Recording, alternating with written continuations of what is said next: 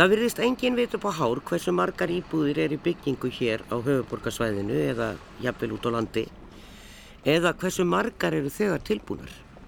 Það vantar ansóknir á mörgum hliðum íbúðabygginga og öllum ber saman um það. Við hóum umfjöllun um hýbílagæði í síðasta þætti og ræðum við fólk sem tók þátt í fundi í Norrannahúsinu fyrir skemstu.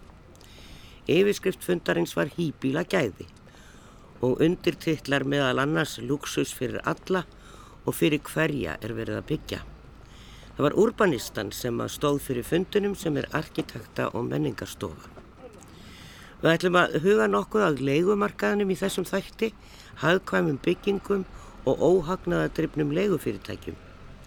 Rætt verði við Hildi Gunnarsdóttur arkitekt hjá Borgarskipulæginu en hún gerði samanburð á almennum leiguýbúðum í Danmörku og á Íslandi í mastæsritgerð sinni í Danmörku.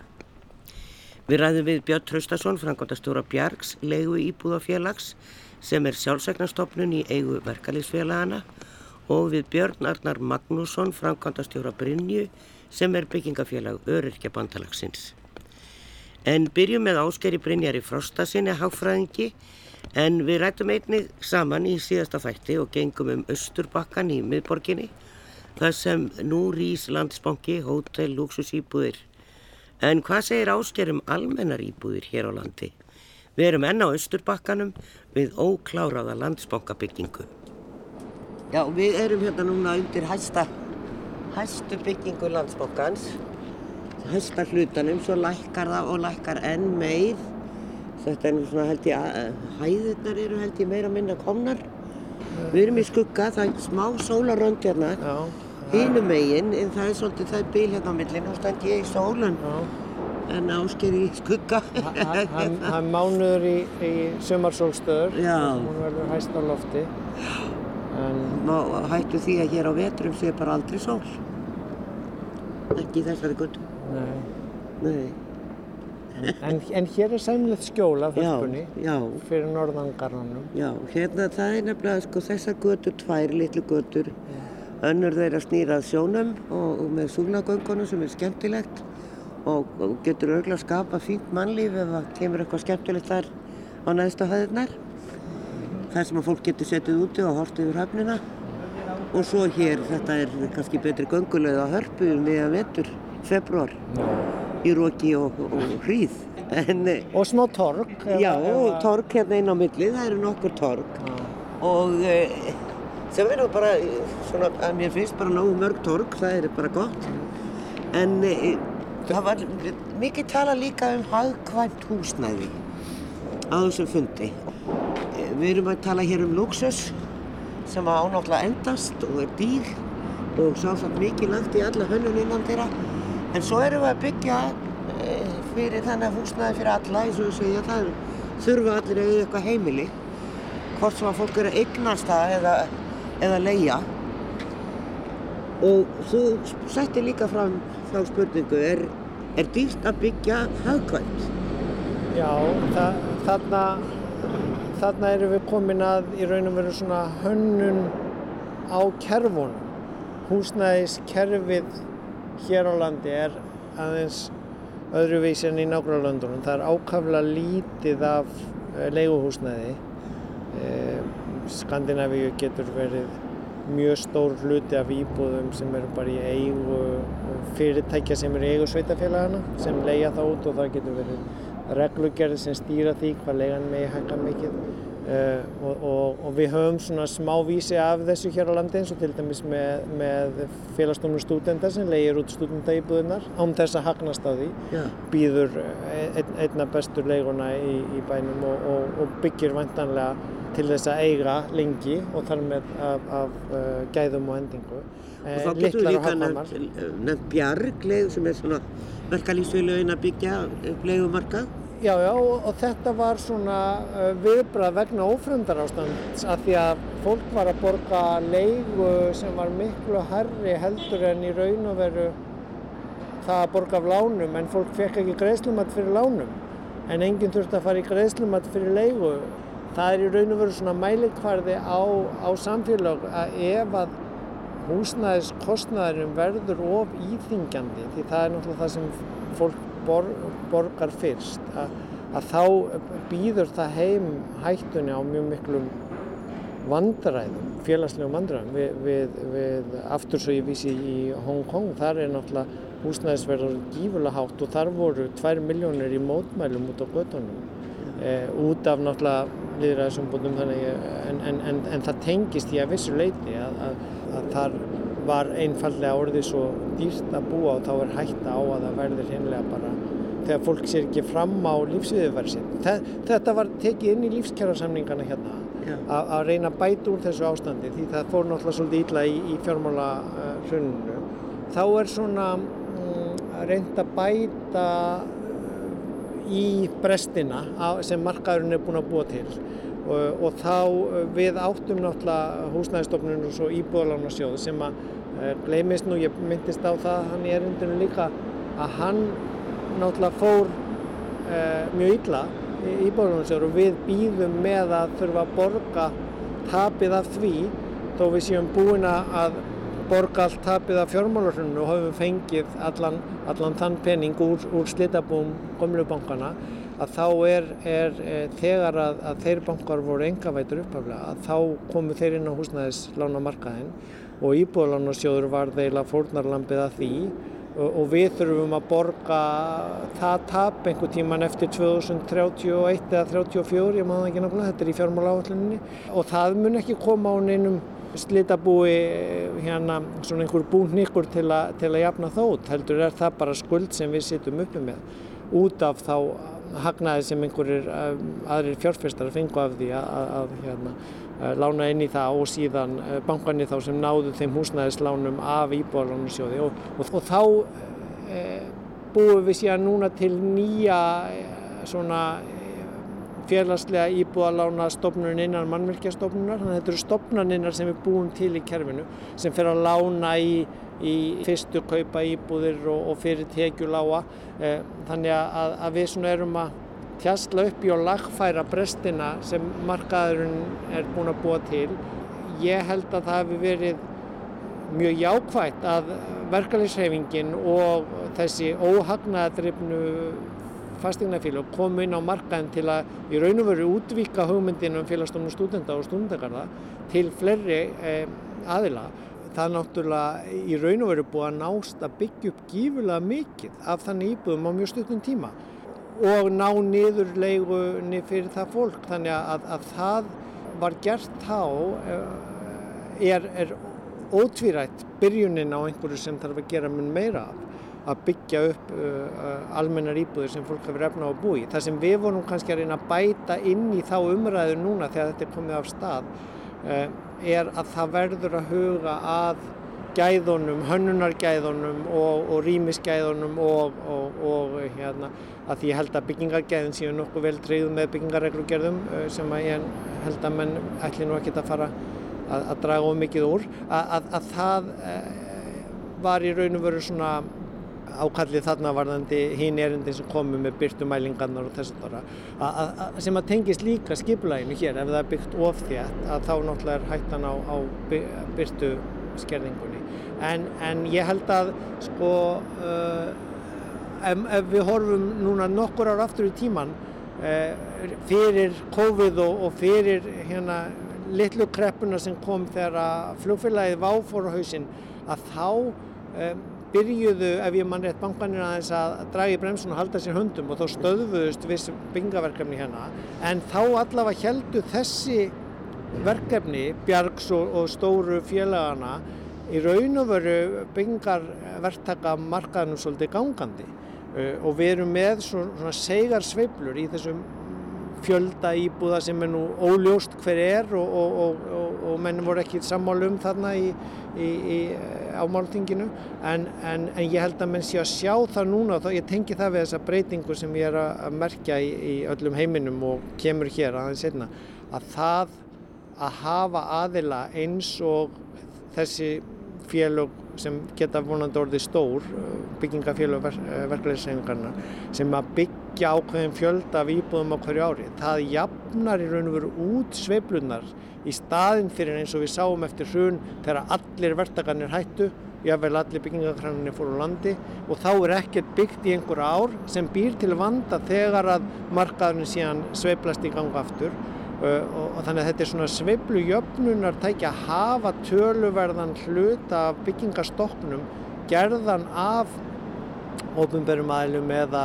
eða óhagnadrifnum félögum eða e, verkefliðshefingunni e, og, og, og, og ég held að sko, allir er geta verið sko, sammála um einhvers konar blöndu svo geta mann rifist um hver stór hluti á að vera. En, en ég held að, að, að það hefði verið mögulega byggt allt og mikið af luxusýbúðum á einhverjum tímapunkti því allir ætluð að græða á því.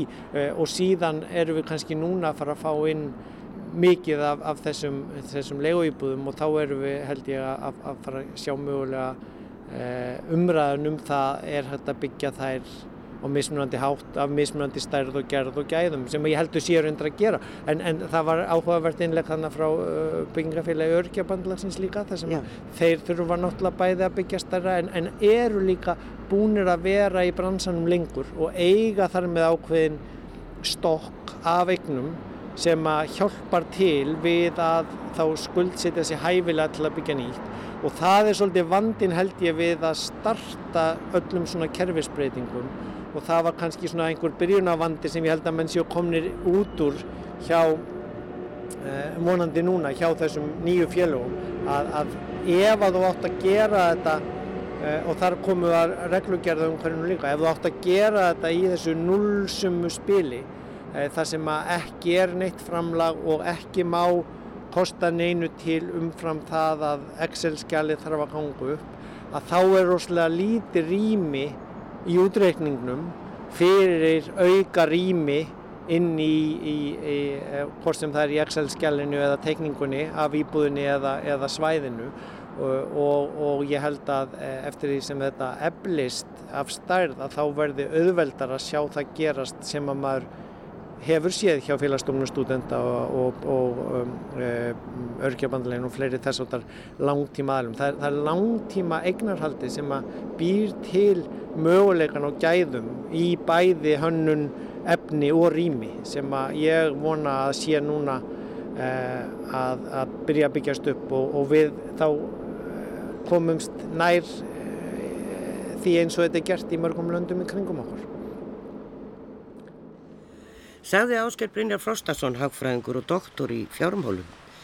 Já, það væri óskandi að hér byggðist upp viðvarandi leikumarkaður sem væri ekki háður sveiblum eins og Ásker talaði um. Það er þjóðþurftar mál. Við höldum í eitt nýjasta hverfi borgarinnar í splunkunni að götu. Já, við hefum verið að tala svolítið um luxus í síðasta þætti en ætlum kannski að tala meira um almennar íbúðir hvað sem það nú er á Íslandi e, hér í þessum þætti. Ræðum við nokkra og erum búin að koma okkur fyrir hér á Kirkjusandi sem er svona eitt nýjasta hverfið í borginni. Stórar blokkir hérna út við sæbröðina mjög stórar. Og svona aðeins svolítið arkitektur, vorum ekki hægt að segja hana á þeim. Og hér upp við á Hallgerðagötunni sem þessi gata heitir, hérna þessi nýja gata eru íbúð Bjargs sem er legufélag og svona þegar framlega stundi þá ætla að Brynja líka sem er legufélag öryrkjabandalagsins að byggja hérna líka við þessa göttu. Það er ekki búið að ganga frá lóðum hér og annað og það er ennverðið að byggja og þetta er rosalega stóra blokkir hérna sem eru sem sagt vestan megin við göttuna. Einn og tvær alveg tilbúin að verist vera en svo er allt á fullu hérna en þá. Nú á gamla Íslandsbanka húsi stendur á sínum stað. Mér skilst nú að eigi að rýfa það, einhvern tíman heyrði ég það nú. En eh, hvað sem verður, húsi væri ónýtt að mygglu. En svo er sagt allavega. En með mér er Hildur Gunnarsdóttir, hún vinnur hjá borgarskipulæginu, hún eh, lærði í Danmörku og eh, skilaði rítgerð um samanburð held ég á almennum íbúðum í Danmörku eða Kaupmannhaf og svo hér á Íslandi. Eh, við erum við svolítið, almennar íbúður í Danmörku eru bara íbúður fyrir alla, það er ekkert, það er enginn skilgreining á því. Nei, það er einmitt leigu íbúðir fyrir allan almenning og þaðan kemur heitið almennar íbúðir Já. og það er ekki tekju viðmið eða, eða eigna viðmið eins og við erum með. Við erum í raun að skilgreina okkar almennu íbúðir fyrir sérstakann þjóðfélags, þjóðfélagshóp. En þar eru það í rauninni fyrir alla og eru 20% allra íbúða í landinu. Já. Það er kannski ekki mjög skrítið því að Danir eru náttúrulega búin að vera að byggja leiguhúsnaði í allavega yfir 100 ár. Já, þeir hafa gert það um mitt og hérna, hafa aldrei hætti líka. Meðan við hérna á Íslandi, við, við lögðum niður okkar hérna húsnæðismála stopnun og, og í rauninni verkamannabústaði kerfið um aldamótin og vorum búin að byggja upp uh, hvort það voru 6.000 íbúðir eða eitthvað svoleiðis í því kerfi, ég manna það ekki alveg, þú voru ekki að fara með það. En með lagabreitingu þá var í rauninni þeim markaði bara, bara breytti í egnaríbúðir. Það var bara þurrkaður út, má segja. Já, og, og síðan höfum við í rauninni ekki haft þetta kerfi. Við höfum haft félagsýbúðir náttúrulega, frá félagsbústöðum og, og sambarilegar frá hérna, sveitafélagunum. En vantar kannski þessa leiguýbúður fyrir fólk sem er þá með aðeins meiri tekjur heldur en er viðmiðið inn í, í félagsbústæðakerfið Já. og erum bara að byrja upp á nýtt í því með, með þessari lagasetningu um almennar íbúðir og, og reglgerðin stofframlöð sem voru samþygt hérna 2016. Og það má nú segja Bjarg sérstaklega hafi verið öflugt félag að byggja. Þau eru búin að byggja ansi víða og ekki bara í Reykjavík, þau eru að byggja á Akureyri, Akranesi og heldin í Þorláksafn líka. Þannig að, að, þeir hafa bara tekið til hendina eftir að þessi lagabreiting kom. Já, algjörlega og hérna, þeir eru náttúrulega eru leigufélag hérna, verkalýsreifingarinnar ASI og BSRB standa því og hérna, eru náttúrulega óhagnaða drifin og eru þá að byggja þessa leiguýbúðir út frá þessum stofnframlegum og einmitt hafa eins og segir verið mjög dugleg. Þau hafa náttúrulega lyft grettistaki í að, í að hérna, koma þessu markað bara í gang. En, en þetta er, er langt hérna, í að vinna um sem við viðmiðum og Danir með sín 20% En þetta með tekjuviðmið eh, sem að er sko, ég hef nú haft orð á því svo sem að ég mann þegar ég var lítið stelpa sko, fólk bjó í bæjablokkinni, það var svona, þó þóttu eitthvað bara verra en að búa í mennilegu húsi, krakka voru mertir, æ, hún býr í bæjablokkinni. Þetta er svolítið við að viðhalda þessu að skipta fólki, það er ef þú ert í leigu íbúð á vegum bjargs, þá er það bara merkjum það að þú ert ekki með mjög mikla tekjur. Já, það er greinilega vinkillin sem við höfum ákveðið að taka í þessu í staðin fyrir að búa bara til leigumarkað óhagnaðadrefina leigufélag sem allir getur gengið inn í. Og þá erum við bæði að, hérna, að, að eirna merkja að, að þessar íbúður séu fyrir ákveðin tekjuhóp. Og svo er annað, við erum líka að byggja fyrir hérna, laun þessa tekjuhóps, í rauninni greiðslu getur þessa tekjuhóps sem verður líka til þess að aðgreina okkar kerfi frá til dæmis því danska. Það er á báðum stöðum er viðmiðum hérna, fermetraverð sem er mjög eðlilegt að það er sagt, sé bara eitthvað fermetraverð fast sem er, er ekkert verið að fara yfir af því að allir vilja að byggja hagkvæmt, hagkvæmt húsnæður sem að er hægt að hérna, sem fólk hefur efna á að leia en, en við erum líka með hérna, aðra skrúu til að vinna eftir sem er að, að aðborganir af lánum sem eru 70% hérna, fjármögnunar að, að húsalegan með ekki vera meira en 25% af tekjum leigutaka og það er þá fyrstu leigutakar væntalega sem að koma þá inn í kerfið og í rauninni uppbyggingin og er styrð út frá þeirra tekjum. Já, þetta er, nú, svo er náttúrulega önnur leigufélag á markanum. Við erum með Alma leigufélag sem var almenna leigufélagið í byrjunu, heitir núna Alma. E, það á íbúður út um allan bæ og, og, og leigir út og það er náttúrulega ekki tekið viðmið, þú verður bara að leggja þína tryggingu og borga leigu. En það er töluvert dýrara heldur en hjá, til dæmis eins og hjá Bjarki. Já, það er Já, sennilega- hefur eitthvað borið það saman, önnur Nei, leigufélag? reyndar ekki, en, en það er náttúrulega í og með að an- annað félag er óhagnaðadrifið og hitt er hagnaðadrifið. Mm. Það er náttúrulega stór munur þar á. Þessi hagnaðadrifnu, þau hækka leigu með hækkandi húsnæðisverði en óhagnaðadrifnu, þau eru rauninni bara að borga upp sína fjármögnun. Þannig að rauninni fjármögnunin í dag fyrir þessum íbúum, til dæmis sem við stöndum fyrir framann hérna að það sem að hérna, leigufélagið hafði úr að spila út frá greiðslugetu þessa tekjuhóps að það kemur til með að náttúrulega að hérna, sína sig í, í hérna, gerð og stærð íbúða aðalega Já, og þetta er það sem að framtíðar leigutakar koma líka til með að, að þurfa að lifa undir. Í rauninni sko hvað fyrsti leigutakinn Ráða. borgað. Já, já. og það er líka út frá hérna eins og maður, veist, eins og vakstaumhverfi og öðru, við erum náttúrulega voru með til að háa vexti með annar staðar nú eru þeirra farnir lækandi þannig að þú veist þannig að það má eiginlega svolítið svona spurja sig hvort að þetta sé skynsalegt að vera að hérna að miða leiguverð eða í rauninni hvað er að byggja fyrir út frá hluta af, af, af greiðslugetu í rauninni láttökjufólks já. að því það eru svo marga breytur í þessu sem að geta líka breyst eins og núna eru vextir að lækka þá gæt bjarga mitt lækka leigu á mörgum stöðum en þeir get ekki stækkað íbúðirnar Nei, nú nei, er nei. búið að byggja þær Já, og saumar hérna, e, e, e, íbúðunar eru ansilittar, 40 fermetrar. Það er minnstu íbúðunar og svo verða þær eru það stærri. Og það er ansilt röngt, ég veit ekki hvort þetta er stúdjó íbúður eða við komumst að því. Eða hvort þetta eru tveggja herbyggja íbúður og þessar stærð. En svona miða við hérna nágrannana sem að búa hér í 100 og 150 fermetra og örgulega meira sumar, sumar hverjar, stórar, glæsilegar íbúður bjartar með mesta útsýnið. Það er eiginlega byggt fyrir útsýnið hér, fyrir þá sem eru hér fyrir aftan. Sjá ekki út á hafið.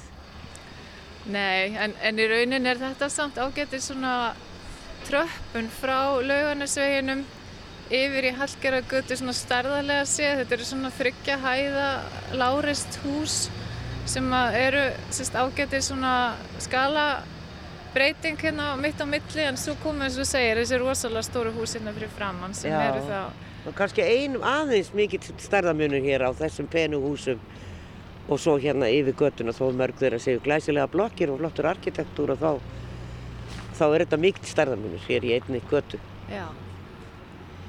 Með við þína rannsóknir, er hægt að miða við leigumarkaðin að miða við að, að bara hver og einn sem að tekur íbúð á leigu að þessi passa upp á að hann greið ekki meira en 25% en að byggja samt kann einhverju öðru plani, skilur mig. Já, maður, maður hefði nú haldið að maður vildi byggja svona til framtíðar sem að, þú veist, íbúðir sem að, sem að þjóna sinu hlutverki í hundrað ár. Er, við, við gerum þá kröfu að byggingar, byggingarnar okkar standist í, standi í hundrað ár.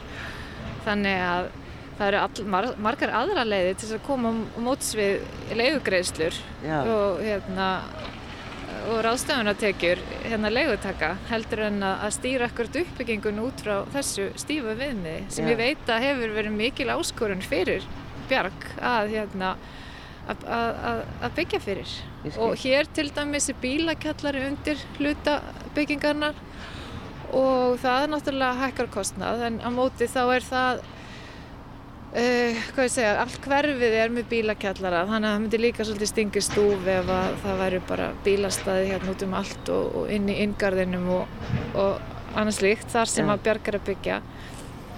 Þannig að þetta setur ofsalega svona erfiðar og stráka kröfur á legufélagið og sem eru orðið til þess að íbúðunar hérna eru ennþá minni heldur en aðrar íbúðir sem að þau hafa verið að byggja. Eins og móavegi til dæmis. Já, Við ætlum einmitt að ræða við Bjarg og, og eða þau sem að stýra þar og fórsvarsmann þar og fara í nýja hverfið sem að þeir eru að byggja núna inn í Vogabygð. Þetta er bátaföður. Hildur síndi í erindi sínu í Norrannahúsinu samanburð á íbúðum í Bökkunum og Fellunum í Breiðholti sem voru byggða fyrir 50 árum. Og þegar þá var eins og nú staðið í stór átaki í húsnæðismálum að frumkvæði verkalýsreifingarinnar í kjölfar samninga á vinnumarkaði. Samaburðurinn leiti í ljós að íbúðunar sem byggða voru í Breiðholti er að jafnaði 25% stærri en íbúður sem byggðar eru í dag fyrir stoppframlag á vegum óhagnaðadrifina húsnæðisfélaga eins og Bjargs og að íverurýmin hefði svo kallega alrými mingar hlutvarslega mest í nýjum íbúðum.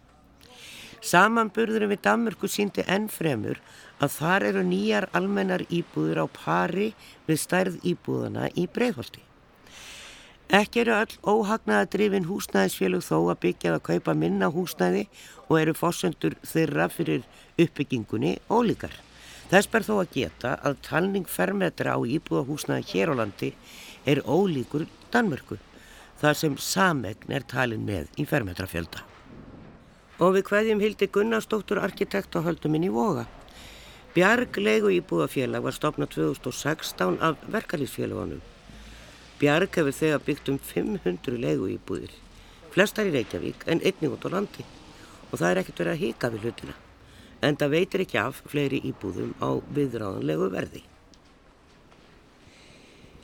Nýjastu byggingarnar hér á Reykjavíkusvæðinu sem að Bjarg er að byggja er hér í Bátavóginum. Þetta er í nýju vóabögðinni og þetta er hérna nýra á Gelgjutanga held ég þetta heiti.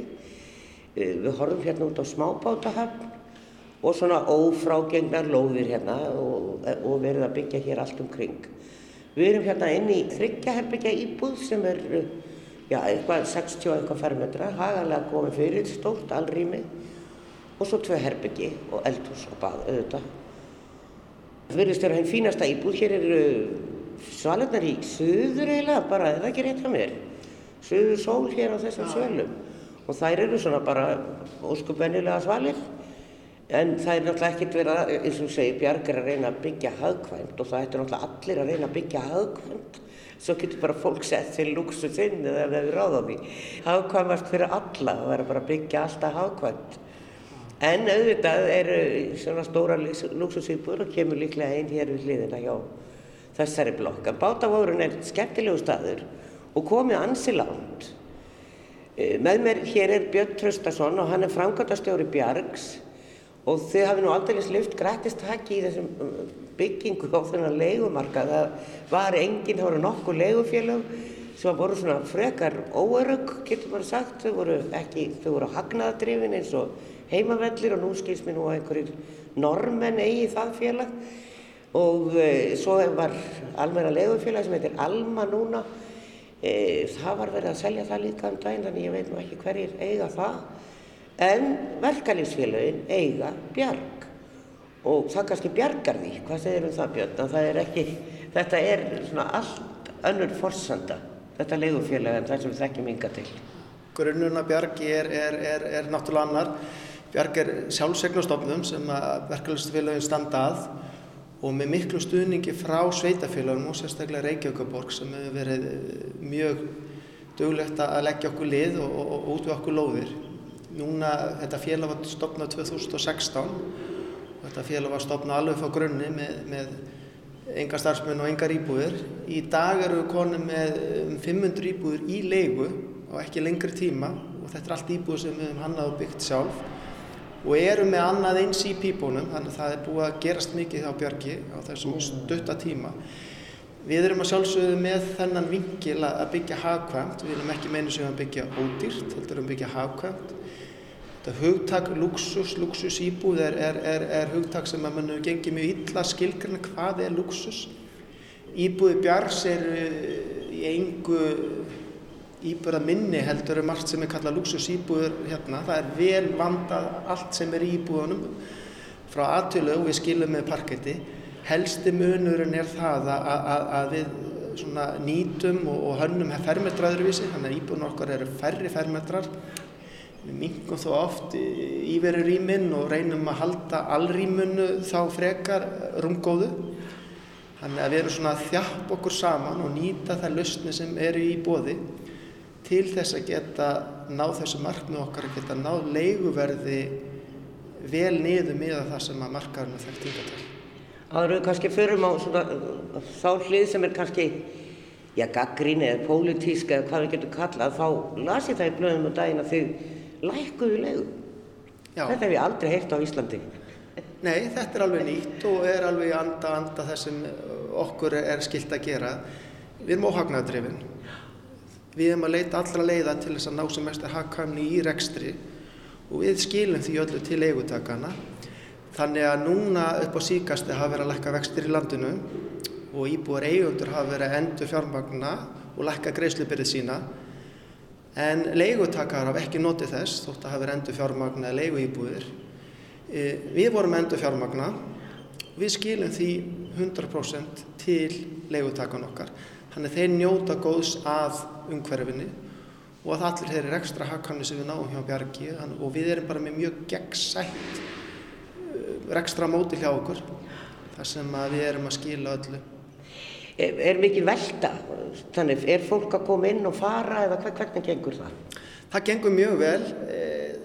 Veltan er mest í minnstu íbúðunum, það er ekki mikið velta hjá okkur en, en, en þú velta sem verið er aðalega verið í, í, í litli íbúðunum og við sjáum það alveg að þessi úrræði er að virka. Fólk er að ná að spilna við og nota þessi fyrstu kaupa lán og komast út af markaði eða þá að fólk er að koma úr foreldrahúsum og þetta var bara á stóðbiti þótt þessu ótist að leia frá hjá Bjarki og við erum að fara heim aftur. Já, það er nefnilega það. Það er bara svo leiðist. Þetta er stökka, stökka að hoppa, hoppa fara úr, úr, úr, úr örygginu og standa eigin fótum. Já. Sko, við hefum svona sett á blað, bæði ríkistjórn og, og allir sem að stjórna hér húsnæðismálum að, að það sé æskilegast að fólk greiða ekki nema 25% af brúttálögnum í húsnæðiskostnað. Og þá er e, náttúrulega tekið inn e, skiptir einhver máli bara hvað með tekjur 25% því má ekki. Og ef þú ert með hærri tekjur þá því hærra getur þú notað í húsnæðiskostnaði en við náttúrulega eins og legumarkaðurinn hefur verið þá er næsið skapur og fólk er að borga allt upp til 50% af innkomum í svona þessum almenna legumarkaði sem er sem sagt utan þessara félag Þið hafi reynd að koma til móts við þetta, en sem þýðir hvað? Hvernig, hvernig þið getur ekki stjórnað því, eða hvernig er það? Þið eru náttúrulega með tekju loft. Ja. Ef ég er með 700.000 krónur á mánu, þá get ég ekki lekt í okkur. Eh, Tekjumörkin eh, sem betur fyrr, þegar við lögum á stað með Bjarg, þá voru þau sett fyrir eitthvað lágt og, og, og hópurinn var of lítill sem við gotum unni með. Eh, við gerðum aðtöðsend við þetta, þannig að, að þetta var tekið fyrir og, og lögunum almenn íbúðu var breytt og þetta var hækka sem breytti miklu fyrir okkur. Þannig að við erum að stækka mikið hópin og, og, og fleiri sem er möguleika að leiða hjá Bjarg í dag. Bjarg er og kannski ekki Bjarg heldur, heldur e, stoppframlaga kerfið sem allir hafa aðgengi á, ekki bara Bjarg heldur, allir sem geta sótt um að fá stoppfram til að byggja íbúður E, það er hugsað, var hugsað til þess að brúa þetta bil milli félagslega íbúðana og almennamarkasins. Við vorum með e, stóran hópa fólki sem var fastan á milli, gati ekki keft sér íbúður en var á tekið átt til að fara inn í félagslega kerfi borgarinnar og sveitafélagana og þetta kerfi er eiginlega sett upp til að stoppa í það gat. Það hefur gengið mjög vel að grípa þennan hóp sem var fast í hárri leigu til að gæti ekki keift en, en fekk samt ekki aðstóð þannig að, að þetta er svona upplegið þegar við erum búin að ná auðvitað um hóp og við sjáum það sem gerist í Danmörku þetta er, við erum ekki að finna pjóli, þetta er búið að vera í yfir 100 ári í Danmörku svona kerfi. Og í fyllingu tímans þegar menn fór að ná auðvitað um eh, umfangið þá eru alveg feld niður þessi tekjumark og, og við veitum ekki hvað framtíðin byrju skautið sig hér en ég get alveg sé fyrir mér það að þegar við erum búin að vinna á þessu bráðavanda þá verði þetta ringað en, en er að sjálfsögðu fylgir því að vera með ofinbært fyrir og það bjargi fjármagna 30% með framlöfum frá ríki og sveitafélagi þaðan kemur fjármagnið í, í uppbygginguna. Og þegar þú ert með svona fyrir þá er það skilirt fyrir að sjálfsögðu. Einnig sagði Hildur Gunnarsdóttir við mig að, að það væri byggt samkvæmt e, sko, þessum tekju lága hópi. Þannig að allt sem við byggið er svona miða við það að fólk sé með lágartekjur sem að komi inn. Þannig að eh, já þið byggið ekki eins og fólk hafi miljónum mánuð þið byggið eins og fólk hafi kannski 450-500.000 mánuð kannski. Ja, Við getum alltaf ekki byggt nei, íbúður heldur en fólk getur reykt. Þannig að gætum alveg byggt stærri íbúður þá bara gæti engi lekta hjá okkur. Þannig að það er svo sem verða að fara saman hljóð og myndi því sem við erum að gera. E, þetta er náttúrulega regluverkið og eina leiðin til þess að ef við ætluðum að fara í þá er eina sem myndi breytast er það að færmetrum myndi fjölga. Þetta eins og segi, gæðin í íbúðum bjargs eru alveg á pari við gæði í almenna markanum. Við stöndum alveg fullum fetum þar. E, það er fermetrarnir sem eru færri. Ef við viljum fjölga fermetrum þá hækka fermetraverð og eina leiðin til að koma til móts við fólk er annarkort með það að það geti auki tekið sínar eða þá að komi mér í stuðningur í hluti með húsnæðisbótum eða öðrum bótum. Það er eitthvað sem að, að, að, að pólitíkin vinnur í. Ja. Við bjarg erum bara með fókus á að sinna okkar verkefni mjög vel og erum að vinna í þessum ramma og, og erum alveg að ná að, að halda okkar innan við. Nú erum búin að byggja, eins og ég segi, 500 íbúðir og það er alla búin að vera á tíma áallun, það er alla búin að vera á kostnæra áallun. Gott. Pólitík sagður og kannski hér í lokinn fyrir maður sinna á það, það er náttúrulega verkarlýsfélagin eru pólitísk fyrirbæri.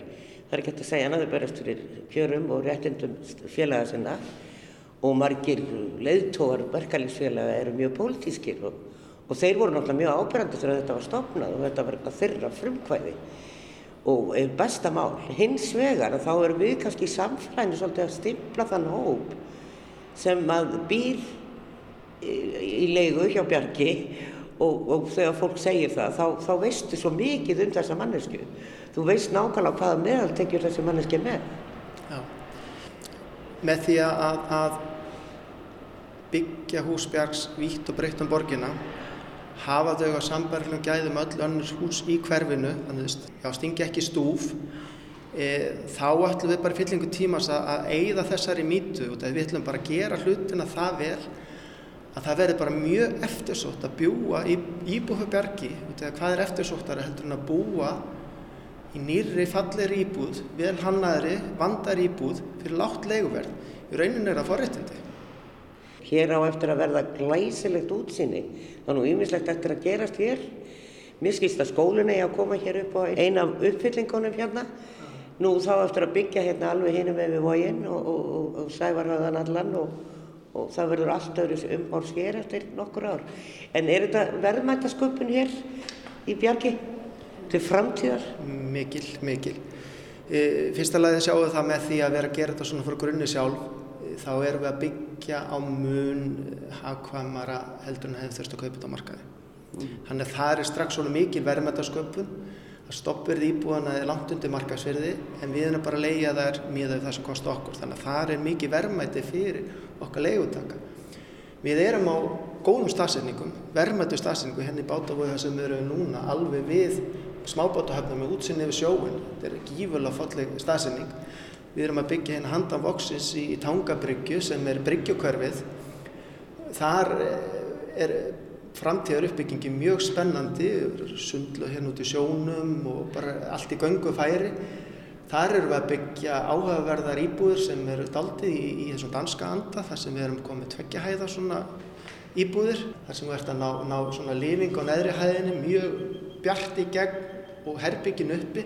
Við erum erum að gera þá, þá, þá tilrönd hérna heima sem við erum að daldið að kópera frá vinum okkur Danmark út. Við erum búin að kynna okkar að hvað er búið að vera að gera kringum okkur og reyna að koma með þær góðu hugmyndir heim sem við sjáum að hjálpi til. Það verður íbúið sem verður alveg, alveg gegjaðar. Sko. Þannig að það er engin afsláttur þar þóttu sért með læri tekið þú deilir forrættundu hóp að fá þær íbúðir. Saði Björn Traustason, frangotastjóri Bjargs, leigu íbúðafélags.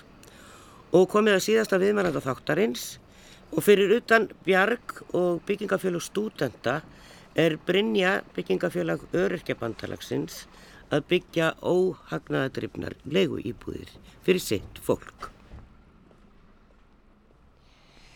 Já, við erum aftur komið hérna í Hallgerðargötuna sem við vorum á þann og vorum að skoða íbúður Bjargs. Komst nú ekkert inn þar, það er flutt inn í allar íbúðurna þar.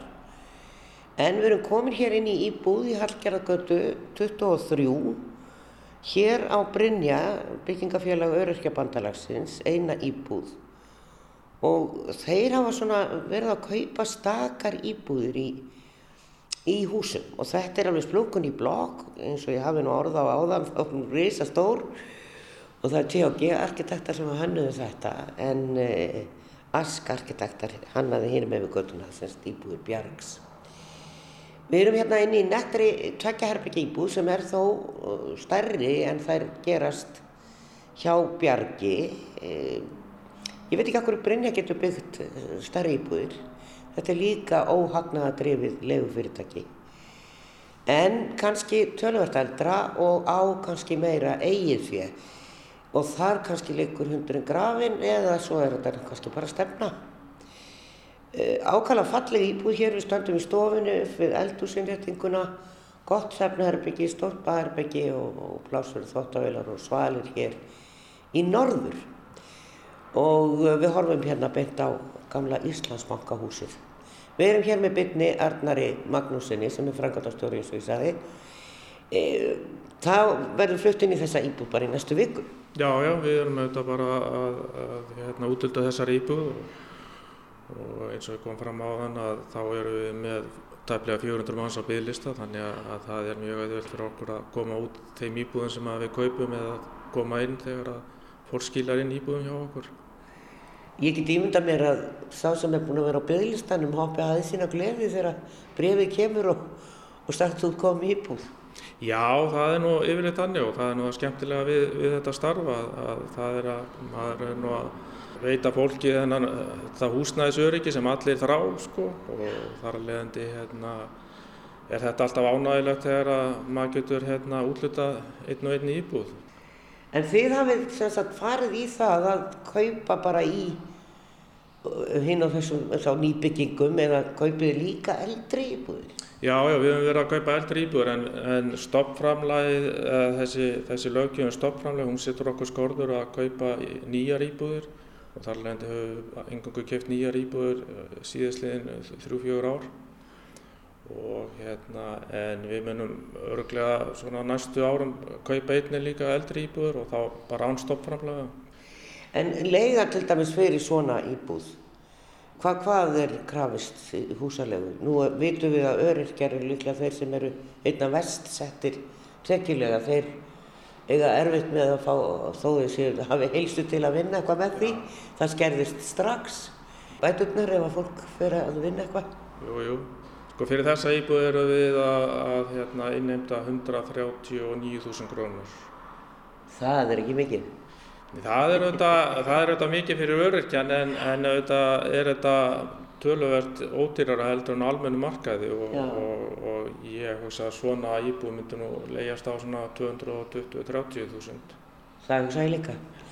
En já, fyrir öryrkja er þetta náttúrulega peningur en það, þá kemur á móti húsnæðisbætur sem að koma já, já, á móti leiguna. Já, fær fólk húsnæðisbætur og sérstakann húsnæðistunning þegar það á við sko. Já. Þannig að okay. þetta er alveg viðráðanlegur húsnæðiskostnæður þegar að fólk er búið að fá þessar bætur sko. Á þessum fundi sem að ég nú að vitni í öðru koru sem að var í Norrnhúsinu þá, þá kemur fram að þið eru að byggja stærra heldur en bjarg. Og, og það svona setti spurningamerki hjá mér. Af hverju sko þið eru að fá sama stoppframlegið og eru þið þá að byggja dýrari íbúðir eða eða eigið meiri pening? Af hverju, af hverju getið þið byggt sko 62 fermetra tveggjaherbygg íbúð en bjarg fer alveg neyri 40 reyndar minnstu íbúðuna þeirra hérna á Hallgerðargötunni annars er það nú yfir, yfir 50 Já, munurinn á okkur og Bjarg, já, Bjarg er auðvitað nýtt félag sem er ekki með neitt eigið fél en, en, en Brynja legufélag er búið að vera starfandi í yfir 50 ár og, og er með hérna, tæplega 80% eigið fjárlutvall. Þannig að skuldsetningin er mjög lítur og, og menn hafa verið mjög íhalsamir í, í, í allri fjárfestingu og, og skuldsetningu sem er auðvitað að svona afræsturinn er þessi að við getum auðvitað bóðið ódýrari leigu Já. þar sem að við erum ekki að krefjast áherstunar á fyrir og þurfum minni, minni hérna, greiðslur í vexti og annað sko þannig að þetta hjálpast alltaf. Það eru 400 manns á bygglista hjá okkur og sem er gríðarlega mikið og þeir eru búin að lókunum. það má þá gera ráð fyrir því að það sé ansi mikill fjöldi sem er ekki einu svona bygglistanum sem að vantar íbúð í gegnum Brynju. Það eru svo margir öryrkjar, allavega öryrkjar og þeir eru ekkert allir í hjólastólu eða á hægjum. Það geta verið allavega ástæður, ungd fólk, fullorðið fólk. Það getur út af veikindum og öllum mögulegu. Af hverju lokiði bygglistanum eða, og, og, og þá í leiðin, af hverju byggið ekki meira? Já, við erum þetta að byggja og, og, og ég líklega munum við kaupa um 100 íbúður á þessu ári sko. Þannig að það er nú alveg töluvert en, en e, það kemur til líka vegna þess að við höfum vilja halda þessu leiguverði e, sangjörnu og, og þannig að öryrkinn ráði við það. Ekki að fara út í það að skuldsetja okkur mikið og þar lendi þurfum við að hækka leiguna eins og komst á þann að þá lokuðu bygglistunum þarna 2018 í oktober og þá voru komnir yfir 600 manns á bygglista og við töldum bara ekki uh, rétt að vera að taka fleiri á bygglista og, og, og segja við fólk að þú getur kannski vænst að fá bref frá okkur eftir hérna, eða símtal eftir uh, 6-8 ár. Já. Þannig að það var þá betra bara að loka bygglistunum og reyna að vinna hann niður og og síðan munum við opna aftur þegar að, að við erum komin með kannski listan niður í 100 manns. Við skulum koma aðeins hérna út á svalir. E, eins og ég sagði svalinnar eru hér í norður og við horfum hérna yfir á, já svona, neða, já norðaustur, já líklega. Það kemur sól hérna, einhvern, hlut á dagi og setni part. Það var náttúrulega kvöldsólinn kemur hérna inn á þessar svalir. Og það er alltaf rísastór grjótrúa hérna fyrir framann, ég var nú að stinga upp á því að við væri bara að fara með þetta að gósinu og stoppa raunrensli þar. Þetta er ekkert smá eins fjall sem er hérna og svo er Íslandsbankahúsi sem stendur til að rýfa og það er vist samkjafni um nýja byggingu þar horfum annars hér á blokkirnar á Kirkjusandi og Listaháskóla Íslands Sæbrautin hérna við hliðina og svo er hérna lóð í Hallgerðargötunni, hérna í, sagt, austan megin við götuna, í framhaldi af byggingum Bjargs. Það er allir því að ráðast í byggingar. Já, við erum að fara að ráðast í byggingu á, á 42 íbúða fjörbílishúsi og við munum eiga sjálfur, sjálf hérna 27 íbúður og ætlum að selja 15 íbúður út úr húsinu.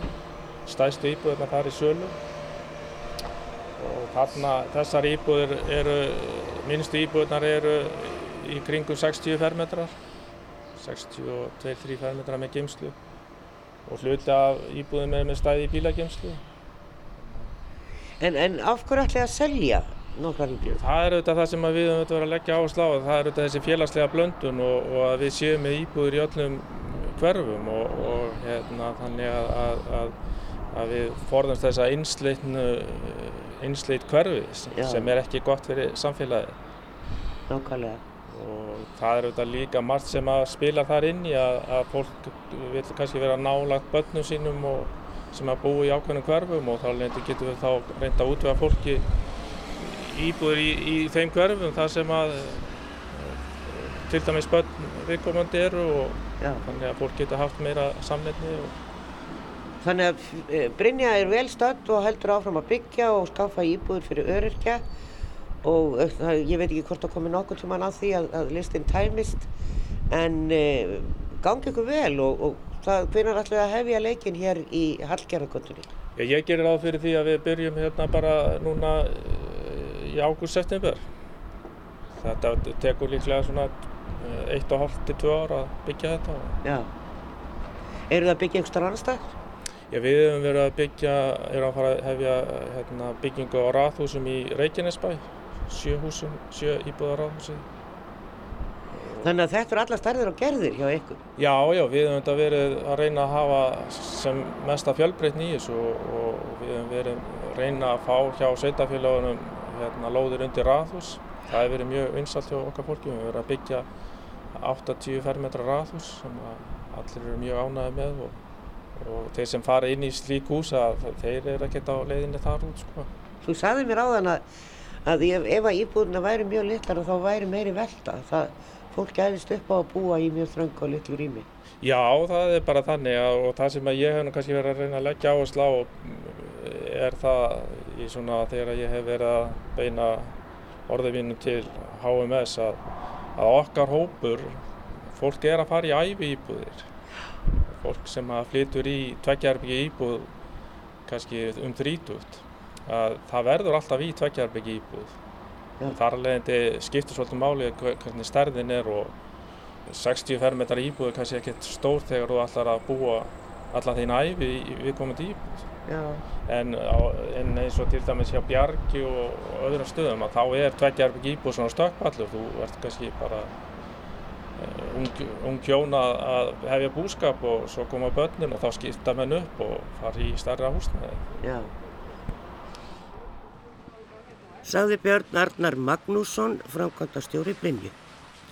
Allt er þetta hitt besta mál og vonandi breytast þessi legufélög almennra íbúða og standa undir nafni og allir, óháð tvekjum eða öðru, geti leikt íbúð til frambúðar með mannsamandi legu. Því eins og við vitum er lega verulega íþingjandi fyrir flest venjulegt fólk á venjulegum launum ef hægt er að segja svo. En sjáum hvað setur, verðið sæl að sinni.